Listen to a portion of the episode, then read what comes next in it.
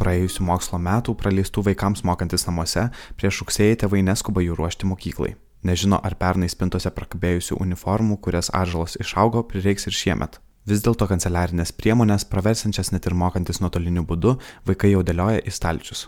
Swedbank finansų instituto skaičiavimais, nors pandemija tradicinio mokinio krepšelio nepabrangino, tačiau iš daugelio pareikalavo papildomų investicijų į kokybiško internetinio ryšio užtikrinimo ar kitas nuotoliniui ūkdymui reikalingas priemonės.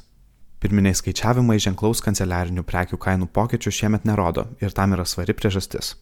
Jau praėjusiais metais stebėjome gerokai išsiplėtusią pasiūlą. Kanceliarinėmis prekiamis, sporto drabužiais Lietuvoje pradėjo prekiauti vis daugiau maisto prekių parduotuvių, knygynų, atėjo keletas naujų didelių rinkos žaidėjų. Tad padidėjusi pasiūla ir konkurencija leido kainas išlaikyti stabilias. Šiais metais išskirtiniai pasiūlymai ir akcijos kanceliariniams prekiams prasidėjo itin anksti, pasirinkimas platus, tad išaugusių kainų nepastebime. Vis dėlto per pandemiją netekusiems darbo ar negalėjusiems dirbti dėl ribojimų, paruošti vaikus į mokyklą bei užtikrinti kokybišką užklasinį ugdymą gali būti sunkiau nei įprastai. Viduryje mokslo metų įvestas nutolinis mokymasis iš daugelio tėvų pareikalavo papildomų investicijų į geresnį interneto ryšį, kompiuterius ir jų aksesuarus, darbo vietos tobulinimą, elektroninės pratybas, o paskubėję nupirkti uniformas ar fizinio ugdymo drabužius galėjo pasijusti lyg išvaistę dalį šeimos biudžeto. Vaikai kostiumus greit išaugo, tad šiam rudeniu jau reikalingi nauji. Taigi daugeliu teko ne tik paruošti vaikus mokslo metams tikintis, kad vyks normalus ūkdymas, bet ir papildomai investuoti siekiant užtikrinti kokybišką nuotolinį ūkdymą. Kita vertus, vaikai buvo namuose, tad nereikėjo mokėti už jų papildomą maitinimą, po pamokinę priežiūrą burelius. Greičiausiai sutaupyti pasirinkimo mokyklai sąskaitą pavyko nedaugeliu dar ir dėl to, kad šeimos pajamos apskritai galėjo mažėti vienam iš tėvų liekant rūpintis vaikais, imant nedarbingumo pažymėjimus ar išėjusi prastovas. Svetbank finansų instituto skaičiavimais pirmokas suruošti į mokyklą kainuoja mažiausiai 250-300 eurų. Brangiausiai apie 100 eurų kainuoja mokyklinė uniforma.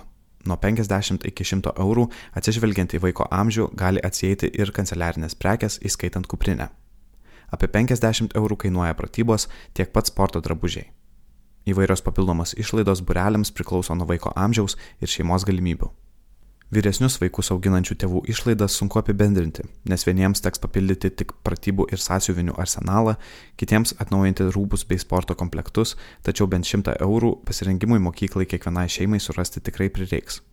Keli šimtai eurų, ypač auginant ne vieną mokyklinio amžiaus vaiką, gali tapti išbandymu šeimos biudžetui.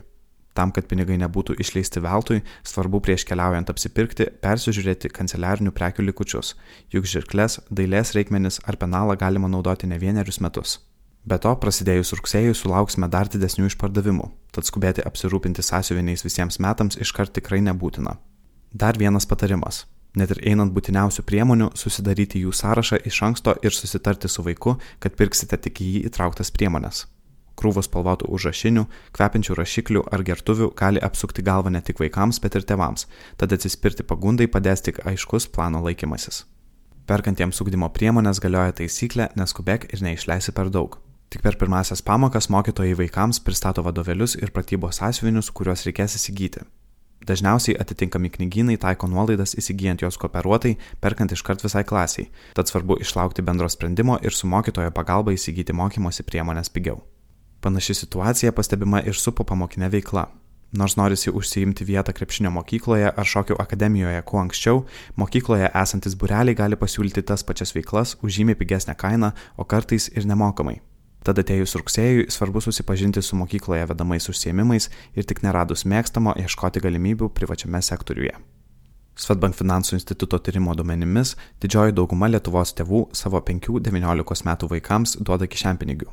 Mažiausiems pirmokams ir iki mokyklinukams mėnesiui apsiribojama iki 5 eurų, nuo 7 iki 10 metų amžiaus vaikams skiriama iki 10 eurų, o vyresniems 16-30 eurų. Skirdami lėšų daugelis tėvų pamiršta išsamei pasikalbėti apie išmanų ir atsakingą jų panaudojimą. Paradoksalu, tačiau kuo mažesni vaikai ir jiems skiriamos sumos, tuo daugiau tėvai moko bei tikrina, kur kišenpinigiai bus išleisti. Tačiau vaikams ir jiems skiriamoms sumoms augant, pokalbių apie finansus mažėja. Taigi, naujų mokslo metų pradžia yra puikus laikas tokiam pokalbiui. Komentarą paruošė Svetbank finansų instituto vadovė Juratė Cvilikienė. Įgarsino Kristijonas Vaičiukauskas.